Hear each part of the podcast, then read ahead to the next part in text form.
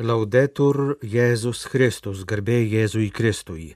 Kalba Vatikano radijas.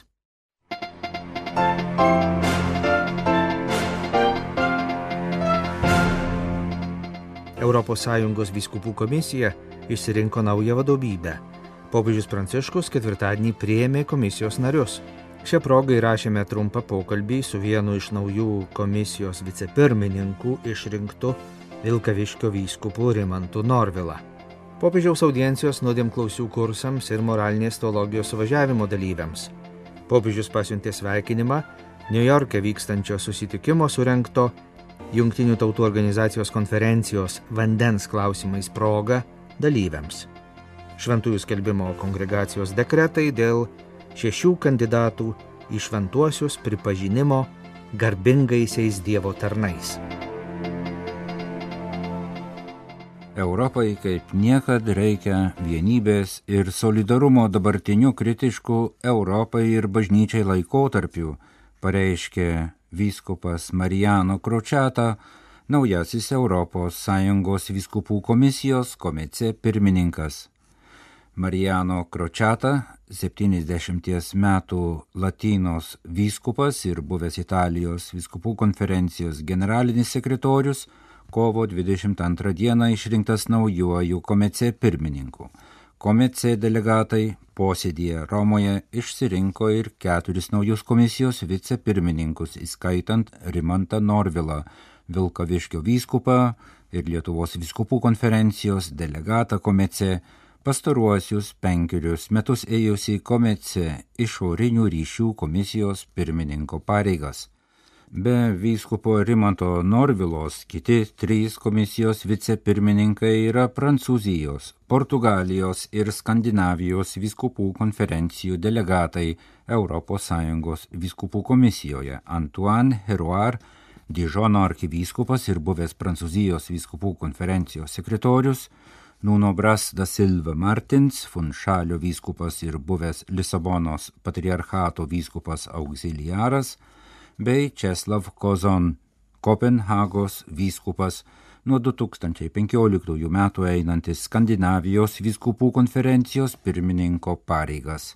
Skandinavijos episkopatas jungia penkių valstybių vyskupus - Danijos, Islandijos, Norvegijos, Suomijos ir Švedijos.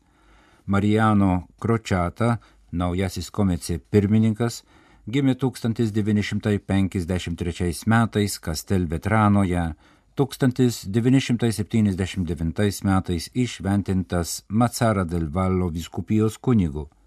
Romoje baigęs teologijos mokslus, vadovavo Palermo teologijos mokyklos ir religijų teologijos departamentui, ėjo savo viskupijos generalinio sekretoriaus pareigas iki 2008 metų, kai buvo popiežiaus Benedikto XVI paskirtas Noto vyskupų Sicilijoje.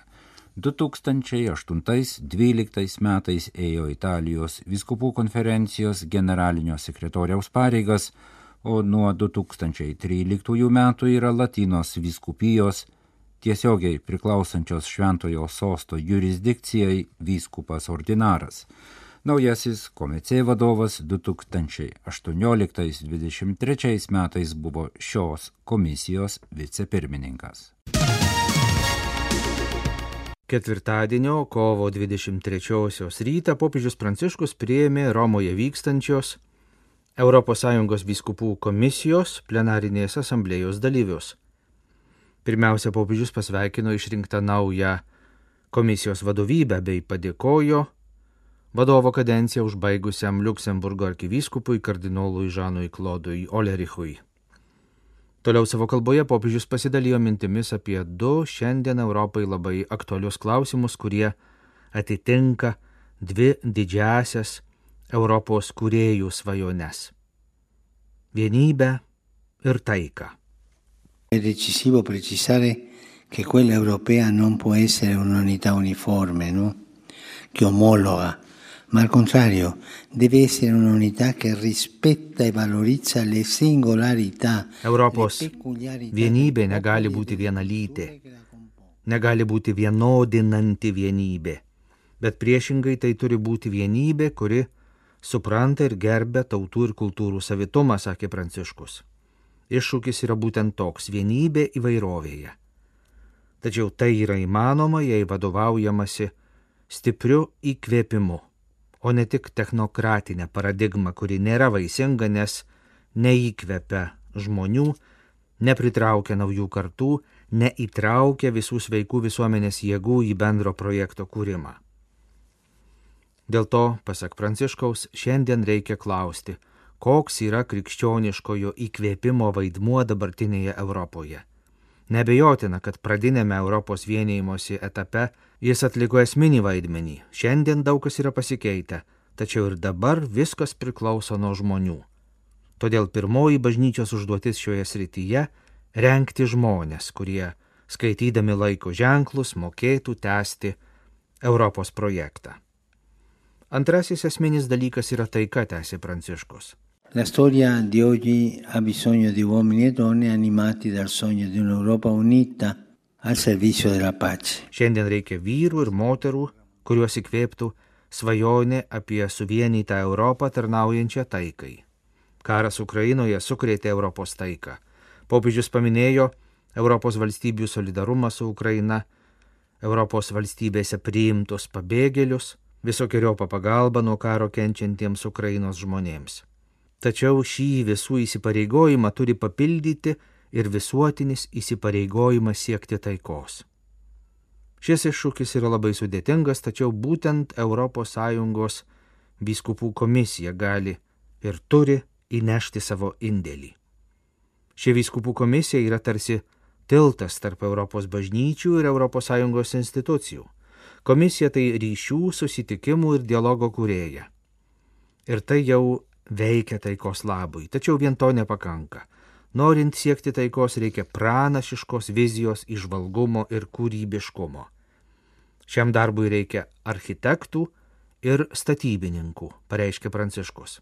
Arba kitaip sakant, tikrieji taikos kuriejai turi būti ir architektai, ir statybininkai. To linkiu ir kiekvienam iš jūsų gerai žinodamas, kad kiekvienas iš jūsų turi savo asmeninių charizmų, kurios kartu su kitų charizmomis prisideda prie bendro darbo, sakė Pranciškus ES biskupų komisijos nariams. Prie Vatikano radio mikrofono komisijos vicepirmininkas Vilkaviškio vyskupas Rimantas Norvila. Maloniai sveikinu visus Vatikano radio klausytojus. Šiuo metu esame Romoje, paprastai sutinkam Briuselėje, jau Lietuvos viskupų konferenciją atstovauju apie 18 metų nuo to laiko, kai Lietuva įstojo Europos Sąjungą. Turime ir tokią viskupų komisiją, sutrumpintai komeče, po vieną viskupą iš viskupų konferencijų. Ir tikslas šios komisijos įvairiopas - įnešti taip pat ir katalikų bažnyčios indėlį į Europos gyvenimą ir palaikyti santykius su Europos institucijomis. Pagal Lisabono sutarties 17 skyrių taip pat ir katalikų bažnyčia palaiko santykius su ES institucijomis. Ir tas dialogas gana vaisingas, nes e, susitinka mūsų komisijos visi viskupai arba prezidimas su įvairiais aukščiausiais ES pareigūnais, aptariant įvairius klausimus, kurie na, rūpė taip pat ir katalikų bažnyčiai, o kadangi pats Europos projektas, jisai yra ir taikos projektas, pažymėtina, kad Europa visgi nuo antro pasaulinio karo išskyrus tą situaciją Serbijoje, kuri buvo tokia, na, nelabai ilga, bet taip pat buvo karo veiksmai, vis tik tai turėjo tą taikų gyvenimą. Dabar Ukraina be abejo mums visiems yra, na, toks didžiulis rūpestis atjaučiant tuos žmonės labai kenčiančius dėl karo. Taikos misija svarbi ir katalikų bažnyčia taip pat gali daug prisidėti. Ir šventasis tėvas apie tai kalba. Ir atskiruose viskupų konferencijose yra taip pat įvairūs pasisakymai, bet e, tuose santykiuose, kontaktuose, vedant tą dialogą su Europos institucijomis, taip pat šie klausimai aptariami ir šiuo metu vienas iš tokių, na, didesnių prioritetų. Kaip kasmet per gavėnę šiomis dienomis vyksta paštališkosios penitenciarijos surenkti kursai nuodėm klausiams, kuriuose dalyvauja visų pirma tarnystę pradedantys kunigai. Šiemetinių kursų dalyvius ketvirtadienio rytą prieimė popiežius Pranciškus. Jis visų pirma padėkojo apaštališkajai penitenciarijai. Tai yra už susitaikinimo sakramento tvarką visos bažnyčios mastu atsakingam bažnytiniam tribunolui, už jau daugiau kaip tris dešimtmečius kasmet rengiamus kursus, kurie suteikia labai vertingą formacijos galimybę, padedančią parengti gerus nuodėmklausius, aiškiai suvokiančius savo tarnystės svarbą. Esiste dunque un legame inscindibile tra la vocazione missionaria della Chiesa e l'offerta della misericordia a tutti gli uomini. Toliau savo kalboje popiežius pabrėžė, kad yra labai glaudus ryšys tarp bažnyčios misionieriškojo pašaukimo ir Dievo gailestingumo visiems žmonėms. Jei gailestingumo perdavimas yra bažnyčios misija, tai reikia kiek įmanoma palengvinti tikintiesiems prieigą prie šio sakramento. Popiežius pastebėjo, kad pasaulyje netrūksta neapykantos ir keršto žydinių. Tad juo labiau nuodėmklausiai turi siekti, kad būtų kuo daugiau gailestingumo žydinių. Non dimentichiamo che siamo in una lotta soprannaturale, una lotta che appare particolarmente virulenta. Popiežius prašė visada atsiminti, kad vykdydami savo tarnystę nuodėmklausiai dalyvauja ant gamtinėje kovoje, kuri mūsų laikais atrodo ypač įnirtinga, net jei ir žinome, kad Kristus jau nugalėjo blogį. Iš tiesų ši pergalė įvyksta kiekvieną kartą, kai atgailautojas gauna nuodėmio atleidimą. Niekas kitas taip nenugali blogio kaip Dievo gailestingumas. Grazie per il vostro quotidiano impegno e per i fiumi di misericordia, fiumi di misericordia. Popiežius dėkojo nuodėmklausiams už kasdienį pasiaukojimą, už gailestingumo upes, kurios per nuodėmklausių tarnystę teka į pasaulį, gesina blogio ugnį ir uždega šventosios dvasios ugnį. Dievo meilė yra mūsų asmeninių ir egzistencinių apsisprendimų vadovas. Būtent todėl moralės teologai, misionieriai ir nuodėmklausiai pašaukti palaikyti gyvą ryšį su Dievo tauta, ypatingą dėmesį skiriant paskutiniųjų šauksmui, pažymėjo popiežius ketvirtadienio audiencijoje suvažiavimo Šventasis Alfonsas Ligori, paskutiniųjų ganytojas ir bažnyčios mokytojas dalyviams. Dievo meilė mus skatina suvokti paskutiniųjų sunkumus ir žvelgti į egzistenciją iš jų perspektyvos, kad galėtume jiems pasiūlyti atsakymų atspindinčių tėvo amžinosios meilės šviesą, sakė popiežius. Pranciškus kalbėjo apie bažnyčią ir žmoniją iškylančius naujus iššūkius ragino juos priimti su viltimi, kad tinkamai atsakytume kiekvienam klausiančiam apie mumise gyvenančią viltį. Jei pastaraisiais metais teko svarstyti rimtus moralės klausimus dėl migrantų ir pedofilijos, dabar turime nedelsiant pridėti kitas temas - pelno sutelkimo į keleto žmonių rankas ir pasaulinių galių pasidalyjimą pažymėjo Pranciškus. Popiežius patikino, jog bažnyčia vilėsi, kad Šventojo Alfonso Liguorio akademija ir ateityje gebės suderinti mokslinį griežtumą su artimu šventai ir ištikimai Dievo tautai, pasiūlyti konkrečius sprendimus konkrečioms problemoms, palydėti ir suformuluoti žmogiškus moralinius siūlymus visuomet remiantis išganančiąją tiesą ir asmenų gerovę. Pranciškus paminėjo suvažiavimo programoje svarstytą bioetikos temą, kvietė vengti ekstremistinės polarizuojančios dinamikos, o verčiau pagal Šventojo Alfonso mokymą kliautis įsiklausimo ir palyginimo kantrybę. Nebijokite įsiklausyti, ragino Romos vyskupas Pranciškus ir pridūrė įsiklausimas yra pamatinis, ieškant bendrų sprendimų, pripažįstančių ir užtikrinančių pagarbą kiekvienos gyvybės šventumui, bet kokiomis sąlygomis. Pranciškus pridūrė, kad tik šitai bus galima suformuluoti pagrįstus ir tvirtus argumentus bioetikos sferoje, įsišaknyjusius tikėjime, suderintus su brandžia sąžinė ir galinčius įkvėpti socialinės ir politinės diskusijas. Kliaukitės šventojo Alfonso apibrieštų vidurio kelio principu. Vidurio kelias yra kūrybiškas. Jis kyla iš kūrybiškumo ir kuria, pažymėjo popiežius Pranciškus. Suvažiavimu apie bažnyčios mokytoją ir vyskupą šventąjį Alfonsą Ligorį popiežiškoji Šventojo Alfonso Ligorio akademija paminėjo įkūrimo Romoje 75-asias metinės, kurios sukanka ateinančių metų vasario 9 dieną. Kalba Vatikano radijas, tęsėme programą.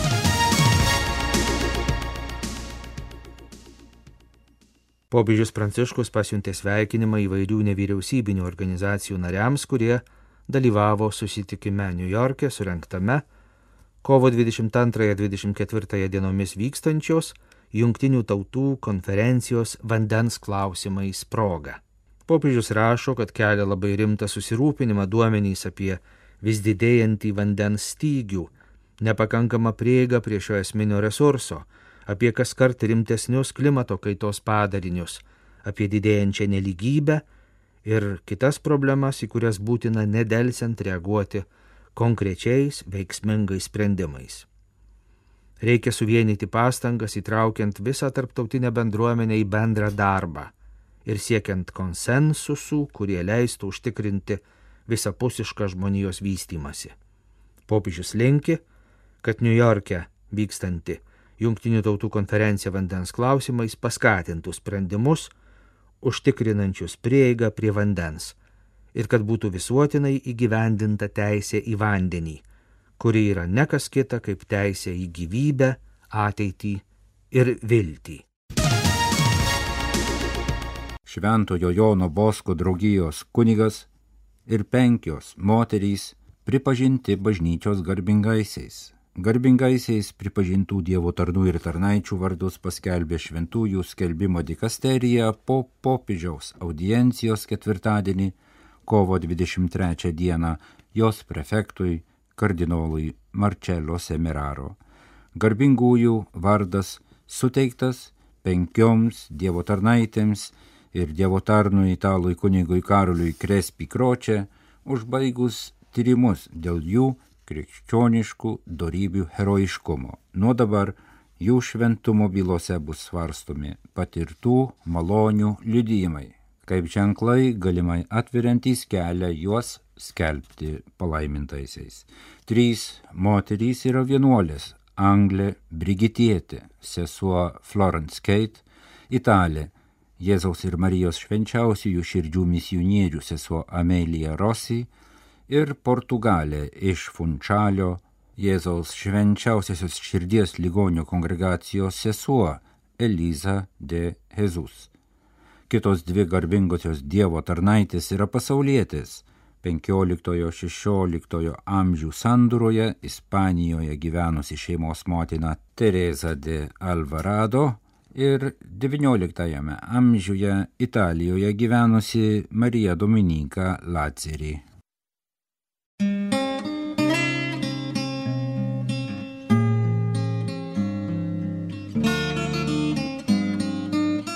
Kalba Vatikano radijas. Laidą lietuvių kalba baigėme. Garbėjai Jėzui Kristui, laudetur Jėzus Kristus.